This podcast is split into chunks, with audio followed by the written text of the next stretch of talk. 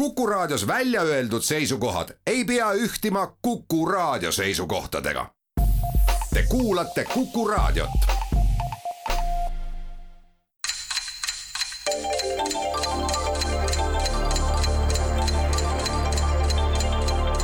tarkade klubi antiikaja argised tarkused toob teieni Vana-Rooma argielu entsüklopeedia kirjastuselt Avita.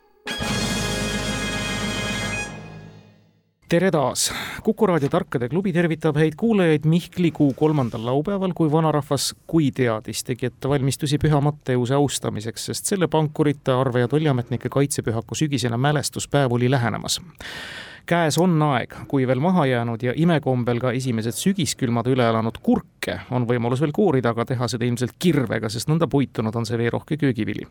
ja küllap seda just täna, sada kolmkümmend neli aastat tagasi muhelevad Tallinna põllumehed ka tegid, kui oma just nimelt Tallinna Eesti Põllumeeste Seltsi asutasid ja põhikirja kinnitamise koosoleku vahel kodust pruukosti võtsid on aeg, kui kaarte ei maksa õues mängida, sest ilm võib kaarte segada ja metsadesse tasub minda hindamaks tänavuste männikasvude ilu ja näha, kuidas kollased kummikud vähe pruunimaks tõmbuvad ning tingimata tüki sammalt enesega tuppa kaasa toovad.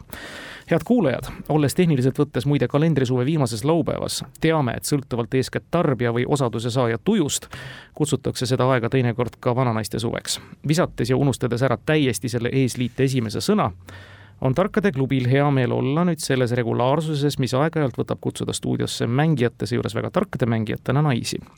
täna ja ka nädala pärast meil on ütlemata hea meel küsida ja võõrustada Tartus stuudios, aga mitte ainult selle saate üht head tuttavat Kivilinna kooli ajaloo ühiskonnaõpetuse õpetajat Inga Toomi. tervist! ja Inga paarilisena täna siin Tallinna stuudios väga meeldiva üllatuskülalisena kultuuriminister Piret Hartmanni tere! ja Tallinna stuudios on jällegi istet võtnud selle saate debütant lisaks Piretile on Pimedate Ööde filmifestivali väliskülaliste juht, muusik ja mälumängusõber Ann-Leena Liivango. tere! ja Ann-Leena paarilisena Tallinnas stuudiot istet võtnud giid ja tõlkija muide vaimustava ja väga mahuka Orlando Figesi Eurooplased eestikeelsena Eesti rahvale ja lugejale vahendanud Kristiina Raudsepp. Tere! tõesti hea meel, tüdrukud, et olete meiega ning kümme küsimust, mis tonaalsuselt üldiselt õrnemast soost üle ega ümber ei saa, on täna jaotunud järgmistesse teemadesse. Need on ajalugu, kultuur, sport, elagu Ukraina ja Vaaria. ja küsimuste autorid on täna Kivimäe kooli ajaloo ja ühiskonnaõpetuse õpetaja Margus Pillau, Ingliranna patrioot Enno Sivadi, raadiokuulajad Tarmo Niinepuu ja Valeri Küpsis ja alustame ning anname avavaliku õiguse tinglikult võttes siis Tartu mängijad Piret ja Inga, palun teie valite teema, sealt kuulete küsimust, saate kuuldavalt hakata arutlema vastuse üle. Piret, mida sina sooviksid? no ma ei tea, proovime siis kultuuri. seisus kohustab.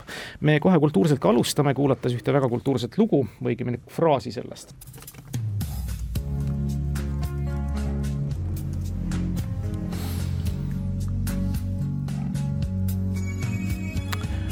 kuulaja Tarmo Niinepuu küsib, mitte ei laula, seda teeb loomulikult Elton John meile kohe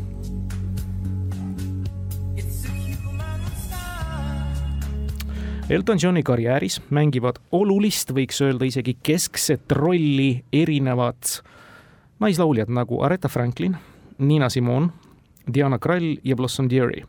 millisel kujul on need nimed tema kuulsate esinemiste ja loominguga seotud, kõlab küsimus. Äh, need nimed olid Aretha Franklin, Diana Krall. Nina Simone ja Blossom Deary.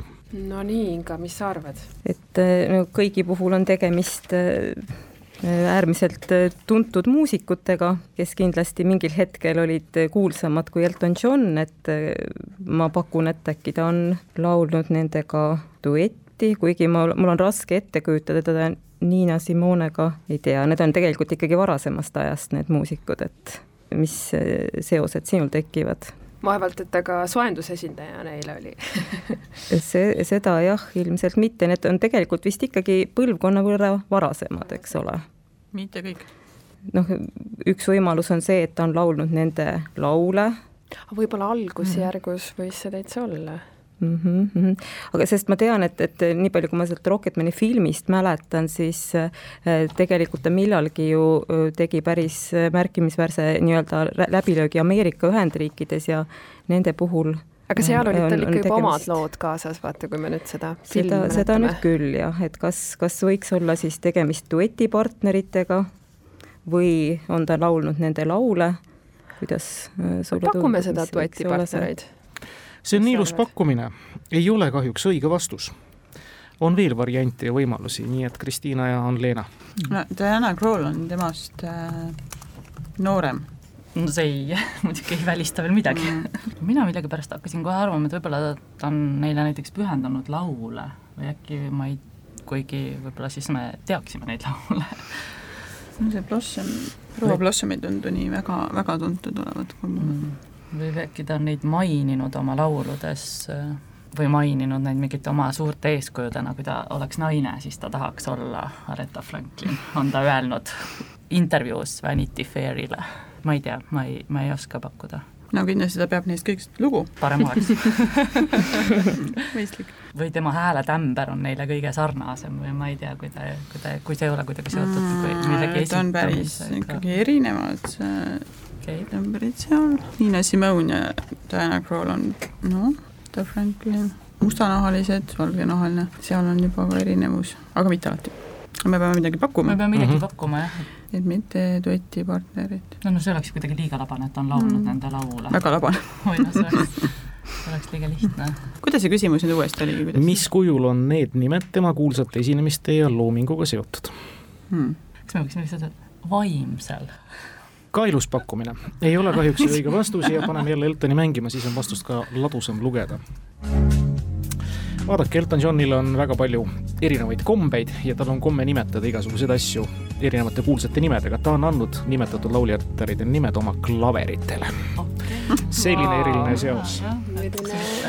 imeline mõte. Väga imeline mõte ja ma usun, et neid pille, mida ta on ka nimetanud kuulsate isikute järgi, on küll ja veel, aga need nimetatud said siis jah klaveritele pandud. ega midagi, Kristiina ja Ann-Leena, te saate need teema valida. Pean ütlema, et Elton Johnil on ilmselgelt äh, mitmeid kodusid ja, või suured kodud, et ta nii palju neid klavereid ära mahub. mul on ainult üks kodus, rohkem ei mahu. ma ei hakka selle nime küsima, kas tal ongi üldse? Bernstein. no näed. see on firma, aga mitte, ma ei ole veel nime pannud. Bernstein on ka väga ilus nimi nii, aga mis teema mm,? Tõmme Maarja. kahe tuhande kolmandal aastal ilmus Jaapanis müügile spetsiaalselt naistele mõeldud ese, mille järgi oli ka mõnda aega juba nõudlust olnud see ese nägi välja nagu meesterahva torso, aga ainult ühe käega. Ja aasta hiljem ilmus sama funktsiooni kandev ese müügile, aga suunatuna spetsiaalselt meestele. ja see meestele suunatud ese oli kujutatud siis naise alakeha sellises poosis, et naine on tõmmanud jalad enda alla konksu. küsimus kõlab, millised esemed teatud kindla laadi funktsiooniga Jaapanis müüki paisati? ütleme, see meeste torso kohe viib minu mõtted sellele, et et, kui sa oled üksik jaapanlanna, siis sul on öösel kedagi kaisu võtta, saad endale käe ümber panna ja, ja siis on selline tunne, et keegi on kaisus. mina pakuksin edasi naise alakehaga, muidugi see natuke ajab ja seda kihinat ma natuke ootasin peaksime siin ro rohkem kihistama. ma üritan joonistada ja aru saada, et mis naise alakeha, kus jalad olid siis nii-öelda põlvedest konksu tõmmatud? Äh, põlved on enda all mm. -hmm mm, nii-öelda jalad. kas see funktsioon on sama ja. või sa küsid sama funktsiooni mm? -hmm. sama funktsiooni mm. -hmm ja mingi täiesti uu, uut laadi toode? ei. vana laadi toode, uues kuues? Uues äh, vormis. noh, kui see mehe torso käega no, kassu võtta tundub loogiline, siis ma ei tea ikkagi, mis see alakeha nagu pigem segab voodis, kui sa üritad mõnusat uinakut teha või ma ei usu, et see meesterahvas peaks segama iseenesest pigem nagu aitama uinud, ei, no võib-olla ei aita ka uinuda. kas ta peaks üldse voodis nii-öelda kasutama mm maga, enne magamine. võib-olla said pea sülle panna nagu, et see oli nagu süli, et ta ei ole nagu, mul esimene mõte oli, et see poos on seksuaalne, aga võib-olla ta oli noh, oligi nagu, et saad pea sülle panna, magada. tegelikult tuli sealt vastuse ära, see funktsioon on padi, lihtsamini öelduna, täpselt, torso pluss käsi mõeldud naistele tõesti, üksikutele naistele padi ja naise nii-öelda süli on mõeldud sellena, kus mees saab alati uinuda, nii et väga õige. saate punkti skoori Kristiina ja Ann-Leena. me jõudsime sama asjani. no vot, oleks ka täpselt saanud siin see valikute küsimus. mõtlesime, et see on vale küsimus ei, ei.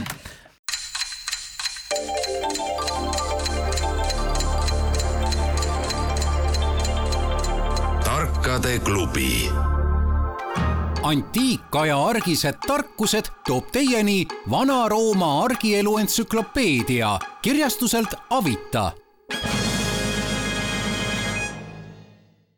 kõik on hästi, meil on veel küsimusi ja on tervelt kaheksa veel jäänud, nii et olge hea, Piret ja Inga, mis te valikusse no, kuulub? kuidas sulle, Piret, tundub, kas võtta, võtta järgmine või teine vaaria või võtta teine kultuur? no proovime seda vaariat. jaa, ja sellega saab siis ka vaaria ammendatud kahekümne teisel detsembril tuhat üheksasada seitseteist võttis vastselt võimule tulnud bolševike organ Üle-Venemaaline Kesktäitev Komitee vastu Jakov Sverdlovi poolt allkirjastatud normatiivse akti, mis mitmete muude sätestatavate asjade hulgas teatud viisil ka naisi puudutas. sellest ametlikust dokumendist sai ühtlasi alguse üks samuti veel tänapäeval spetsiifilistes olukordades aeg-ajalt kasutatav kõnekäänd millise sisuga akt, väidetavalt esimene omataoline maailmas riiklikul tasandil ja mis kõnekäänd? ütle veel korra see aasta. tuhat üheksasada seitseteist. tuhat üheksasada seitseteist. naisi puudutas ametlik mm -hmm. dokument, millest sai alguse üks tänapäeval spetsiifilistes olukordades aeg-ajalt kasutatav kõnekäänd. et kui nüüd sellele ajale tagasi mõelda, siis oli see, see aeg, kus ütleme, progressiivsetel riikidel äh, oli kindlasti juba see võrdõiguslikkuse teema selles mõttes ju päevakorral, et et oli juba kohti, kus naistel oli isegi hääleõigus, et ka Eesti esimene põhiseadus, eks ole, andis naistele hääleõiguse, et kuidagi kuidagi siis võrdsus tagada ja vaata nüüd Piretil on siin selline mõte või selline sõna nagu kvoot, et kas see võib olla esimene, esimene kord, kui siis räägiti äkki sookvootidest, et naiste ja meest, naistel ja meestel peaks olema võrdne esindatus, ma ei tea, kuivõrd see kõnekäänd on, ta vist väga kõnekäänuks ei ja muidugi aega mõtlen, et äkki see oli ikka liiga vara, aga no. et jah, et, et, et, et kindlasti, kindlasti bolševikel oli naistel noh, no, no või ütleme, kommunistlik kord oli nagu selles mõttes võrdõiguslik. just. et aga mm, mis see kõnekäänd võib olla, mis, missugused kõnekäänud siis nagu on meile tuttavad, mis räägivad, räägivad naiste ja meeste võrdsusest. no hästi palju, ütleme, nõukogude ajal toodi näiteid, et noh, need naistraktoristid ja naiskombainerid, aga aga see issand, ma loodan, et see nagu... ütlemine ei ole naise, naine paadis, paat põhjas ei tea, mis dokumenti pigem, pigem, pigem ja, mitte, see pigem peaks. aga ma ei tea, see võrdõiguslikkuse, no see on ikkagi liiga selline no see on liiga üldsõnaline. ei, noh, tegelikult ma arvan, et naistel, naistel oli siis hääleõigus aga kõnekäändu ma sellega seoses küll ei, ei, ei oska tuletada, et, et ainus ei saa, jah? ei liigu õiges suunas mm -hmm.? vihjeid ei saa, ma ei ütle, et ei liigu õiges suunas mm. -hmm. no aga ma ei tea, Inga, no pakume kvooti. ei ole kahjuks väga õige mõte, mõte selles mõttes, et kahe käega annaks aga hagu juurde, see ei ole see, mida me vastusena ootame, Ann-Leena ja Kristiina. on mingeid mõtteid? ühesõnaga, oota, alustame algusest. bolševikud võtsid vastu mingi ametliku dokumendi. normatiivse millest, akti, jah. normatiivse akti, sest siis millest sai alguse mingi kõnekäänd, ehk siis nad pidid nagu tegema mingi ettekirjutuse, mis kuidagi puudutas naisi ja siis sellest, sellest tuli see kõnekäänd. ma ei tea, esimene asi, mis mulle pähe tuli, oli see, et naine on ka inimene bolševistlik manifest, punkt üks, lõige üks, ka naine on inimene Lähme siit edasi. noh jah, neid seal oli neid. või, või mis nad siis noh, seal ametlikus dokumendis või no ütleme, nad vastandusid vanale korrale, siis võib-olla anti naistele mingeid õigusi, mida mm. neid varem ei olnud, aga no naine pidi tööl käima ja ja olema tubli kommunistliku korra ülesehitaja.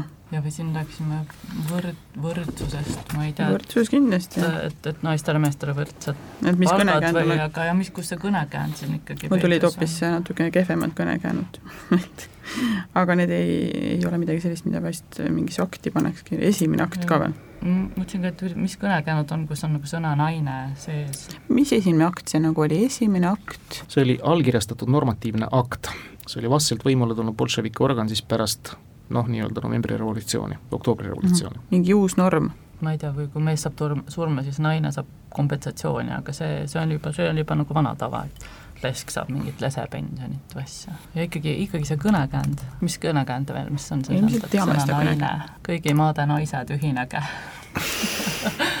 mõtleme veel. väga suurejoonelised. kõnekäände välja kähku. see ilmselt midagi nagu positiivset, midagi väga ja kas see kõnekäänd on sellest aktist seostunud või? jah. see ei saa olla midagi halvustavat, see mm -hmm. peab mhm. olema naisi kuidagi positiivses. ülistav. ja valgusnäitav ja naine kommunistlik noor. Naine... midagi, kus, mis, kus naine on Mees tugev, vapper ja, ja, ja surematu. Mees ja naine käsikäes. sünnitab muuseas ja Või... töötab veel rohkem kui mees. naine peab toitma mehe ja seitse last sobib kommunistidele aga vist ei olnud mitte siin. jah, see oli filmis Mehed teinud ta hilisem, natuke hilisem. ja seda kõnekäändu veel kasutatakse mingis spetsiifilises situatsioonis mm. -hmm. mis see, mis see situatsioon võib olla? spetsiifilistes olukordades aeg-ajalt kasutatav kõnekäänd. Spetsiifilised olukorrad, huvitav, kas see on siis naisega seotud olukord, kas on nagu mingi a la sünnitamine, jällegi noh, imetamine, midagi, mis saab naisega ainult seotud olla, see spetsiifiline olukord? töö tegemine ei ole spetsiifiline. Ei, see on universaalne. Mm.. tore oleks, kui Tartu äh, omad saaksid ka kaasa lüüa, kui me nelja peale saaksime välja mõelda. no nad juba andsid oma panuse. tõsi aga me ragistame ka päid mm. -hmm. alati on huvitav teada saada, mis sealt tuleb. ja mingi norm oli vaja luua. see oli normatiivne akt, mingi norm oli vaja luua, et mingi nai-. seda enne ei olnud naised ja mehed peavad töötama sama palju, sama normi täitma. aga kõnekäänd naised tööt- mm., aga see on jälle spetsiifiline olukord, see ei ole ju spetsiifiline. see, et naine töötab, see on see on pigem tavaline tõesti. jah, meie ja. küsimus on praegusel ajal ju spetsiifiline on, sünnitamine kindlasti spetsiifiline, nagu midagi muud ei olekski spetsiifiline tegevus emapalk ei olnud selle see on vist ka nagu see on vist ikkagi liiga progressiivne või raske olukord, kui tahaks öelda midagi tarka, aga midagi ei tule pähe. võite ka rumalusi öelda ka siin, pole, pole keelatud. tuleb ette tuttav olukord. No selge on see, et naistel äh, ballidel osalemine oli lõppenud selleks ajaks, vana aja pidustusi ja asju enam ei olnud no nad ei teinud ju norme a la riietuse kohta, et naised ei pea pükki, võivad kanda pükse.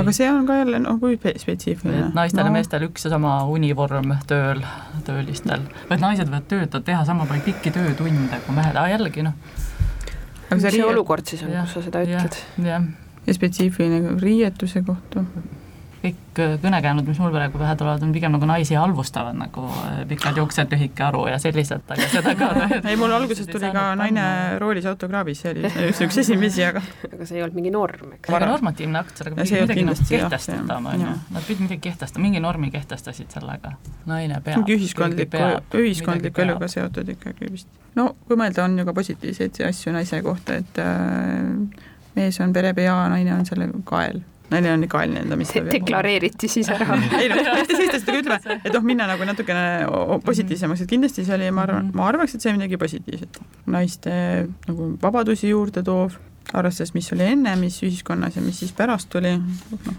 kus häda kõige suurem, seal naine kõige lähem kõlab juba vanasõnana mul nagu hetkel ei, ei, ei tule küll tahaks midagi. tahaks jah, mõelda, mõelda, tahaks välja mõelda, mitte kuulda seda vastust, aga noh, muidugi aeg saab otsa. jätta siis vastuseta. vist jah, ja nüüd kohe mõtleme, oh, miks me seda miks me no seda... tegelikult te tulite ju kõik selle peale lõpuks ühisaruteluna ära. Aga lihtsalt selline väljend kui dekreeti minema, see oli haiguskindlustuse dekreet, mis tervishoiukindlustusele lisaks ka sünnituspuhkust ja sellele puhul tehtavaid väljamakseid reguleeris, nii et tema palka oleks võinud pakkuda kõnekäänuks sai siis dekreet puhkusele minema või lihtsalt dekreeti minema. Nõukogude võim alustaski mäletatavasti erinevate dekreetidega, näiteks rahudekreet ja maadekreet ja kõik muu säärane.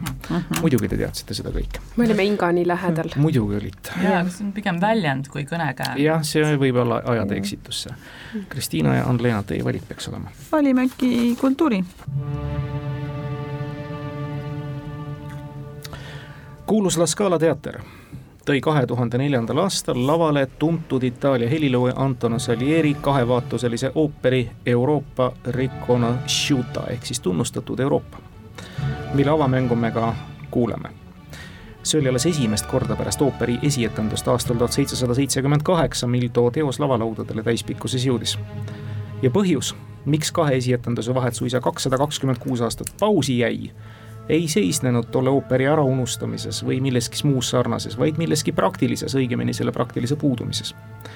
ooperi kaasaja lavaletoojad pidid teose taasesitamiseks tegema ka sellest tulenevalt teatud põhimõttelised muudatused Salieri ja libretisti Mattia Veratsi ettekirjutatusse ja Euroopa Riconosciuta sai tulla probleemideta lavale milliste muudatuste kohta me küsime või mis põhjusel ei saanud seda ooperit kakssada kakskümmend kuus aastat vahepeal mängida ühesõnaga mingi praktiline põhjus, miks ei saa ooperit mängida ja tuhat seitsesada seitsekümmend kaheksa äh, sai. jah. ma mõtlesin kohe, et äkki on mingi ooperimaja spetsiifika, et äkki see eeldab seda, et sul on laval korraga tuhat inimest või äkki on vaja orelit näiteks, mida ei ole ooperimajas ja siis äh, La Scala kaks tuhat neli kuidagi suutis sellest mööda hiilida, kuidagi elektrooniliselt tekitada või mingi pill oli puudu, et ja siis nad suutsid siis kaks tuhat neli jällegi nagu elektrooniliselt kuidagi seda heli reprodutseerida või tekitada. aga nad pidid ikkagi sellest äh, originaalettekirjutustest mööda minema, et seda ooperit lavastada. praegu välistan igasuguseid kõiki asju järjest, aga et mis, mis ei saaks nagu seal olla noorel. no miks nad poleks varem saanud sellist asja teha iseenesest, kaks tuhat neli. Või oli vaja, et peaosa laulas kastraat ja need ei olnud ka. hiilgav vastus, see on õige vastus tõepoolest. ja kuulame, kuidas see põhjus nii-öelda seisnes. Tõepoolest, Salieri ja Veratsi olid kirjutanud ooperi kandvad aariad ja laulud meessoost kastraatidele. väga nõudlikke ja kõrgeid palasid ei suutnud mitmed mehed hiljem, kastraatidest lauljate osakaal aga aina vähenes, ära laulda. ooperi nüüdisaegsed lavastajad siis tegid põhimõttelised muudatused libretosse ja tegid ka nii-öelda Salieri kirjutatusse, asendasid kastraatidest tegelased libretodes naistegelaste ja sopranitega. see oli see põhjus. ärge unustage, mis mängus me täna oleme, nii et ikkagi naised peavad olukorra välja päästma alati. ja taaskord ma saan aru, et ei vedanud nüüd Piretil ja Ingal teemavalikuga, oleks ju teadnud, eks. jah, just ja., Inga pakkus kirjalikult. jaa, väga õige. olgu siis öeldud kuulajatele, et Piret mängib Tallinnas ja Inga tema paarilisena Tartus, nii et seda vapramalt siin praegu esinetakse, teie valik. meil on Ukrainat, meil on sporti ja ajalugu võtta. ma saan aru, et sina oled eh, nii kultuuri- kui spordiminister, kui kindlalt sa ennast spordi teemal tunned? Väga kindlalt ei tunne, aga no me no, võime ju alati ka me võime valida ka mõne muu teema. või võtame Ukraina. no võtame Ukraina. võtame Ukraina ja Ukrainal satub olema ka kohe kultuuriküsimus sinna alla, nii et loodame parimat. tuhande üheksasaja seitsmekümne viiendal aastal ilmus kunagises tõsiste raamatusõprade poolt armastatud Varamu sarjas aastail tuhat kaheksasada nelikümmend üheksa kuni tuhat üheksasada kakskümmend elanud Ukraina kirjaniku Panas Mõrnõi, kodaniku nimega Panas Rutšenko, Lii ja Jüri Ojamaa tõlkes romaan mille originaali pealkiri Povija, aga vene keeles Guljašjaja ehk siis jalutaja. kuidas eestikeelne pealkiri kõlab? Süžeeks. ma olen seda raamatut lugenud. ja hiilgav vastus tuleb nüüd siit välkvastusena jah, see on, see raamat on, eesti keeles kannab pealkirja Libu. õige. süžeeks siis tõepoolest linna ebakindlasse sotsiaalsesse keskkonda asunud talutüdruku traagiline tänaval surmuks külmumisega päädiv elukäik. vaat nii pääseb maksvusele lugemus ja haritus. ja ema, ema, ema ja isa kunagine raamaturiiul, kus see raamat lihtsalt nii, võtta ja, oli. helged mälestused ja mis põhiline mälu. nii, väga hea, Inga ja Piret saavad ka tartlannadena täna siis nii-öelda üle kantud või piltlikult tähendades Tartu stuudiona punkti kirja.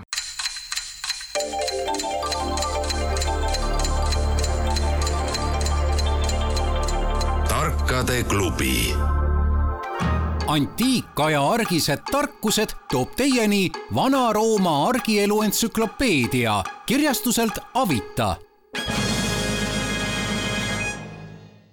üks-kaks nüüd Tartu poolt vaadates, Tallinn valib, Kristiina ja Ann-Leena. noh, üritame siis äh, ajalooõpetajat tema oma koduväljakul üle mängida valime võtate ajaloo. see küsimus viib meid valdkonda, millest ajaloos on palju kirjutatud ja rohkem filmigi vändatud, aga kitsamasse niši, millest on vähem teada, ehk piraadid ja konkreetselt naispiraadid. Anne Bonny oli ajaloo üks tuntumaid neist, kes legendaarset Calico Jacki laeval just, just Kariibi meres kaheksateistkümnenda sajandi alguses ühes kaaslastega mööduvaid laevi hirmutas ja kaaperdas.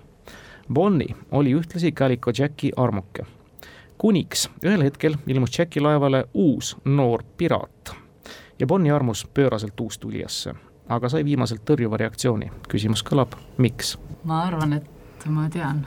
nii? see, sest äh, see piraat oli ka tegelikult naine. just nii, see piraat oli ka naine, uus tulija, Mary Reed teine legendaarne naispiraat nendest aegadest, kes samuti siis Calico Jacki laeval toimetas. Reed ilmus laevale meheks riietatuna ja muide, Anngi oli laeval meheks riietatuna, ega teisiti toona ei saanud ja see lugu on hästi tuntuks saanud tuhande seitsmesaja kahekümne neljandal aastal trükivalgust näinud raamatust Piraatluse üldine ja suur ajalugu. nii et ei ole midagi uut siin päikese all. ei ole. kolm-üks, Kristiina ja Ann-Leena võtavad edu sisse, aga midagi pole veel otsustatud. Piret ja Inga, üks õnnestunud valik esmalt ma ei tea, Inga, võtame, proovime ikka sporti ka või mis sa arvad? vaatame raskustele silma ei, võtame spordi. väga hea ja alustame ühe protokolliga ühtedelt neljakümne kuue aasta tagustelt võistlustelt, Piret haaras kahe käega peast kinni. nelikümmend kuus aastat tagasi ühed võistlused ja protokoll. pronksmedal Marta Egervari, Ungari, üheksa koma kaheksakümmend viis. hõbemedal Theodoro Ungureanu, Rumeenia, üheksa koma üheksakümmend kuldmedal ja nüüd lõpetage teie, head mängijad. vastusena ootame midagi ajaloolist, kedagi midagi ajaloolist sooritamas. Tuhat üheksasada seitsekümmend kuus, ma võin teile arvutuses vastu tulla mm. -hmm, et kas see üheksa koma millegagi, eks ole, et kas on mingisugustel iluuisutamisest, ma mäletan, oli see punktisumma vanasti selline kuus-null, kas võimlemises võiks olla see punktisumma kümme, see nii-öelda maksimumsooritus, kuidas sulle meenub? nelikümmend kuus aastat tagasi. jah et kas, kas võiks, võiks olla tegemist no, võimlemisega. naiste, ala ja see üheksa ja... koma millegagi muidugi võiks vihjata sellele, et kümme võiks olla maksimum kui sa tead ühte võimlejat, siis see üks võimleja on tõenäoliselt Nadia Comaneci, eks ole. no hiilgav ja tuli ära täpselt tuhat üheksasada seitsekümmend kuus Montreali olümpiamängud. kuldmedal Nadia Comaneci kümme koma null ehk täiuslik skoor sportvõimlemises, milleni polnud keegi naisvõimlejatest varem küündinud tegemist oli siis tõesti esimese puhta kümnega Comaneci kokku kuuest muide, mida Monreali olümpiamängudel ta kokkuvõttes näitas, see oli siis ebatasaste rööbaspuude harjutuses. teine punkt Tartu ja Inga on tõesti heas vormis, nagu ka Piret. kaks, kolm Tartu poolt vaadatuna ja kolm küsimust jääb meil lõpuni minna, Kristiina Anlena, te saate nüüd valida. endiselt sport, Ukraina või ajalugu? ajalugu oleks tore. oleks tore, see on hea. Tenno Sivadi Ingli rannast küsib üks tuntumaid lendlauseid, mida meie idanaabrite kohta on öeldud ja asja eest, kõlab Venemaal ainult juuakse ja varastatakse. see klišee olla alguse saanud kirjanik Mihhail Saltõkov-Šedrini kirjutisest ja kõlavad täispikkuses nõnda. kui ma uinun ja ärkan saja aasta pärast ja minult küsitakse, et mis praegu Venemaal toimub, oskan ma vastata vaid seda, et kindlasti juuakse ja varastatakse. kuid sama, ehk siis sedasama varguse lembust tähendas veel üks tuntud venemaalane ammugi enne Saltõkov-Šedrinit ja tema väitis järgmist. mind röövitakse samamoodi nagu teisi, aga meil on see hea märk ja näitab, et on, mida varastada. kes see oli, tolle mentaliteedi äraspidine kaitsja? nagu öeldud, ta oli venemaalane, aga rahvuselt preislanna valitsejanna. siis see peaks olema Katariina Teine. jah, näed sa, nüüd läheb välguna nüüd see mäng meil käima ja teadmised tulevad robinal, me oleme juba kuus punkti kahe võistkonna peale kokku saanud. neli-kaks, Kristiina Anlena on praegu mängu juhtimas, aga veel kord, võimalused viigiks vähemalt on üleval. Piret ja Inga, kas Ukraina või sport? nii, Inga, sina valid, sul on hea käsi. no võtame, võtame Ukraina. võtame Ukraina. Olgu siis öeldud ja meelde tuletatud, miks me seda teemat ikka kultiveerime ja au sees hoiame, ikka pöialt pidades ja öeldes Slava Ukraini, täpselt nii, nagu see teema käsitlus meil siin on. headele ukrainlastele, kes praegu loodetavasti tublisti sõdivad ja vastu peavad. kahe tuhande seitsmendaks aastaks oli Ukraina võidukast oranžist revolutsioonist kaks aastat möödas. käes oli poliitilistest naginatest tiinehall argipäev oranžiks printsessiks tituleeritud Julia Tõmošenko oli esimese ja praeguse seisuga seni ainukese naisena Ukraina ajaloos peaministri ametit mainitud võimupöörde viljana juba korra pidanud aga üsna pea vastavalt positsioonilt siiski ka kõrvaldatud ning kõnealuseks ajaks ka oli sel postil ei keegi muu kui Viktor Janukovitš ennast sisse sättinud. ja muidugi soovisid läänemeelsed demokraatlikud jõud antud olukorra kiiret lõppu ja selleks oli parlament ülemraada tarvis laiali saata, uued valimised välja kuulutada Tõmošenko tegutses selle agenda nimel kahe tuhande seitsmenda aasta alguses väga aktiivselt, kutsudes rahvast pidevalt üles. jaanuaris kaks tuhat seitse andis ta Raada laialisaatmise nimel rohkelt intervjuusid ning astus avalikkuse ette, millega seoses sõnadele lisaks soovitud eesmärgi saavutamist veel ühel mittesõnalisel viisil ilmekalt, eriliselt ja rõhutatult väljendas. ja me küsime, millisel viisil siis? ilmekalt, mittesõnaliselt politoloog Volodõmõr Fessenko kommenteeris, et nõnda toimides päästis Tõmošenko valla kahe tuhande seitsmenda aasta intriigi. mis ta siis tegi oma eesmärgi nimel Raada laiali saata intervjuusid andes avalikkuse ees. ja see oli mittesõnaline tegu mm. -hmm. millega see Julia Tõmošenko kõigil kindlasti visualiseerub? pats oli peas. pats ja kauni, kaunis, kaunis välimus, eks Just. ole, et et äh, mis, missuguse sellise signaali võis ta siis aastal kaks tuhat seitse mitteverbaalsel moel siis anda nii hästi on ta silme ees, ma pean tunnistama. jah, jah, jah, jah, see jah, temaga. kleepis suu kinni. ma ei tea, mis ta võis teha sellist mm. -hmm. soov oli siis ülemraada laiali saata mm. -hmm. praegu küll kuidagi, mis need mitteverbaalsed signaalid võivad olla, mingisugused mis need suhtlus- või kommunikatsioonivahendid, millega saab signaale saata üldse on, on riietus, eks ole, žestid. jah, kohe hakkan tantsimise peale mõtlema, aga miks ta oleks pidanud selle olulise sündmuse ajal tantsima. ja ülemraada laiali saatmine mingisuguse äkki ta keeras selja või midagi, mingi, mis võib olla selline nojah, vaata kui meie riigijuhid, eks ju, panid, president pani kampsuni selga, sõna on -hmm, vaba, eks ju mm. -hmm et muidugi riietusega sa saad ka žesti anda, aga mm. -hmm, mm -hmm. aga samas noh, mulle tundub, et tal oli nagu selline äh, suhteliselt rahvuslik imago juba, juba mm -hmm. nagu varasemast, et, et, et nii see soeng kui riietus, mulle tundub, et oli selline rõhutatult rahvuslik, et, et see, see ei olnud nagu seotud kindlasti sellise ühekordse, ühekordse mm, nagu kas ta tegi seda mitu korda? küsimusest lähtub, et see üks kord, kaks tuhat seitse jaanuar. üks kord, jah. äkki ta lihtsalt viipas käega, et minge ära? ja seda ma ei. aga vaevalt. Nonii, mis, mis me võiksime veel mõelda? no mida, mida noh, kui ütleme, sina tahaksid kellelegi minna, et mi, öelda, öelda, et mine minema, mis sa ja, ja ei saaks, ei kasutaks sõnu, mis sa siis teeksid? Ma ei no, tea, ikkagi kuidagi ho hoiaksin ukse juures, hoiaksin ust lahti ja annaksin märku kuidagi jah, et, et mingisugune selline žest, et aeg on, aeg on lahkuda, viipaksin, kas mingi muusika äkki, samas ilmselt ma ei tunne aga nii hästi seda Ukraina muusikat. ju, mingi ilmekas, äh, mittesõnaline mm -hmm, žest mm. -hmm, mm -hmm. ilmekas eriliselt ja rõhutatult. eriliselt ja rõhutatult. ma ei tea ühtegi vaimukat äh, mõtet ei tule nii tõsise teema puhul üldse pähe. kuidagi selline ukse poole saatev või kuidagi, mis, mis oleks ka selline no vaevalt, et ta oma muidugi, patsi lahti kas ta, aga ta tegi selle lahti, nii et kõik see oli patsi lahti tegemine ja lahtised lehvivad juuksed, just wow. nii, ta päästis oma pärjana ümber pea keeratud patsi valla ja kandis teatud perioodi vabalt lahtiseid, tõesti väga pikki juukseid parlamendi laiasaatmise vajadusele niimoodi kujundlikult osutades. No näed, nii et ikkagi oli asi patsis. asi oli just, patsis. patsist alustasite, patsiga lõpetasite ja uute valimiste järel saigi siis Timošenkoga uuesti valitsuse juhiks, tasus valla päästa. kolmas punkt on teile, Inga ja Piret ja Kristiina Ann-Leena, teile tuleb viimane küsimus. neli-kolm eduseisust, nii et protokolli all siis palun märkida, et meil ka juuksed juba olid laual. see sai märgitud ja spordiküsimus kohe selle peale, jah? põnev. kahekümne kolme aastane villandlanna Sigrid Kabanen tuli mullu aasta lõpus ühe spordiala maailmameistriks. küsimus kõlab, millisel ajal?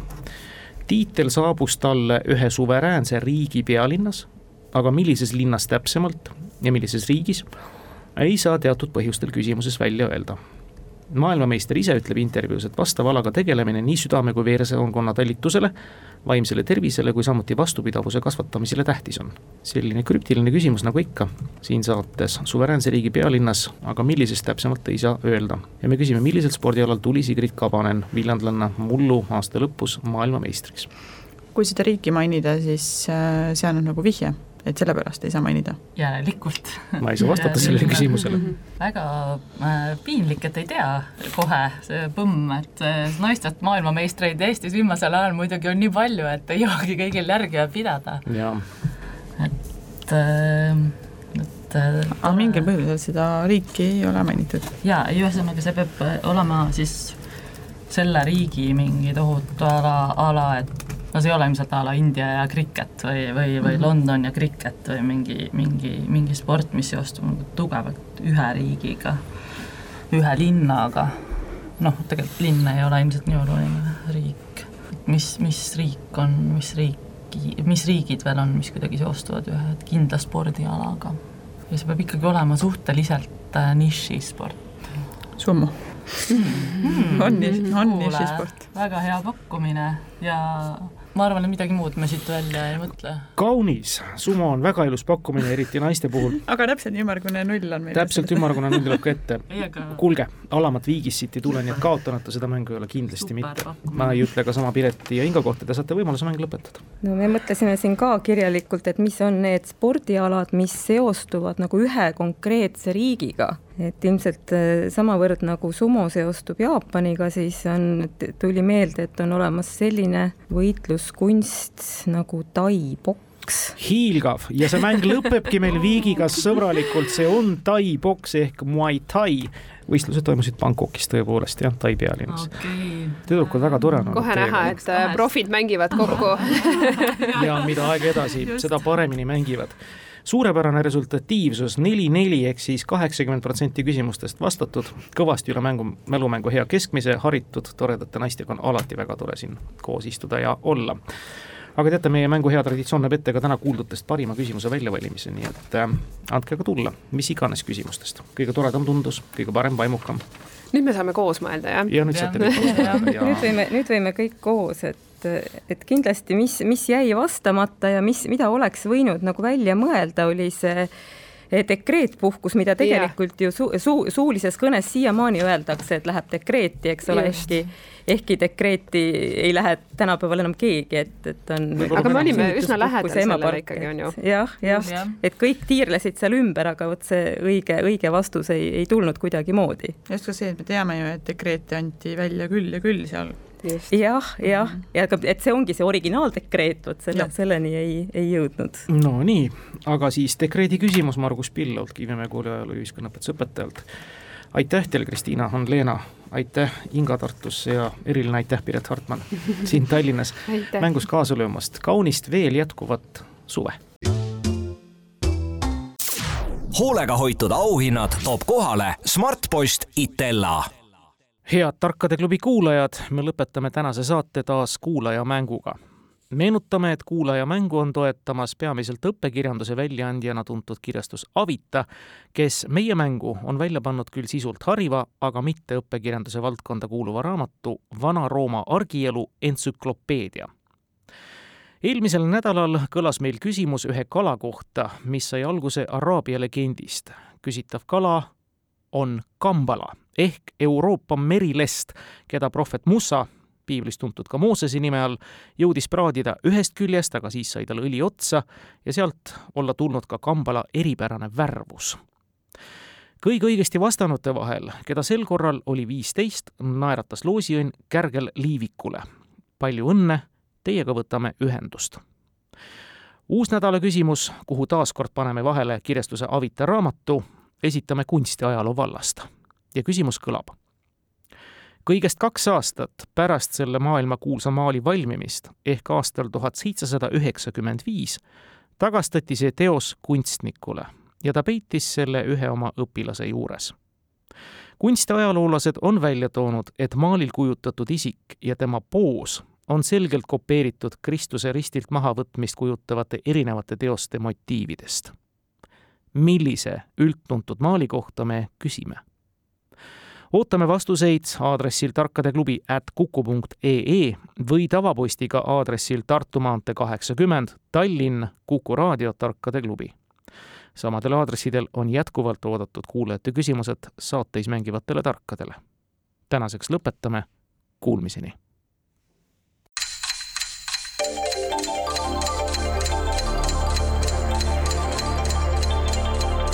tarkade klubi antiikaja argised tarkused toob teieni Vana-Rooma argielu entsüklopeedia kirjastuselt Avita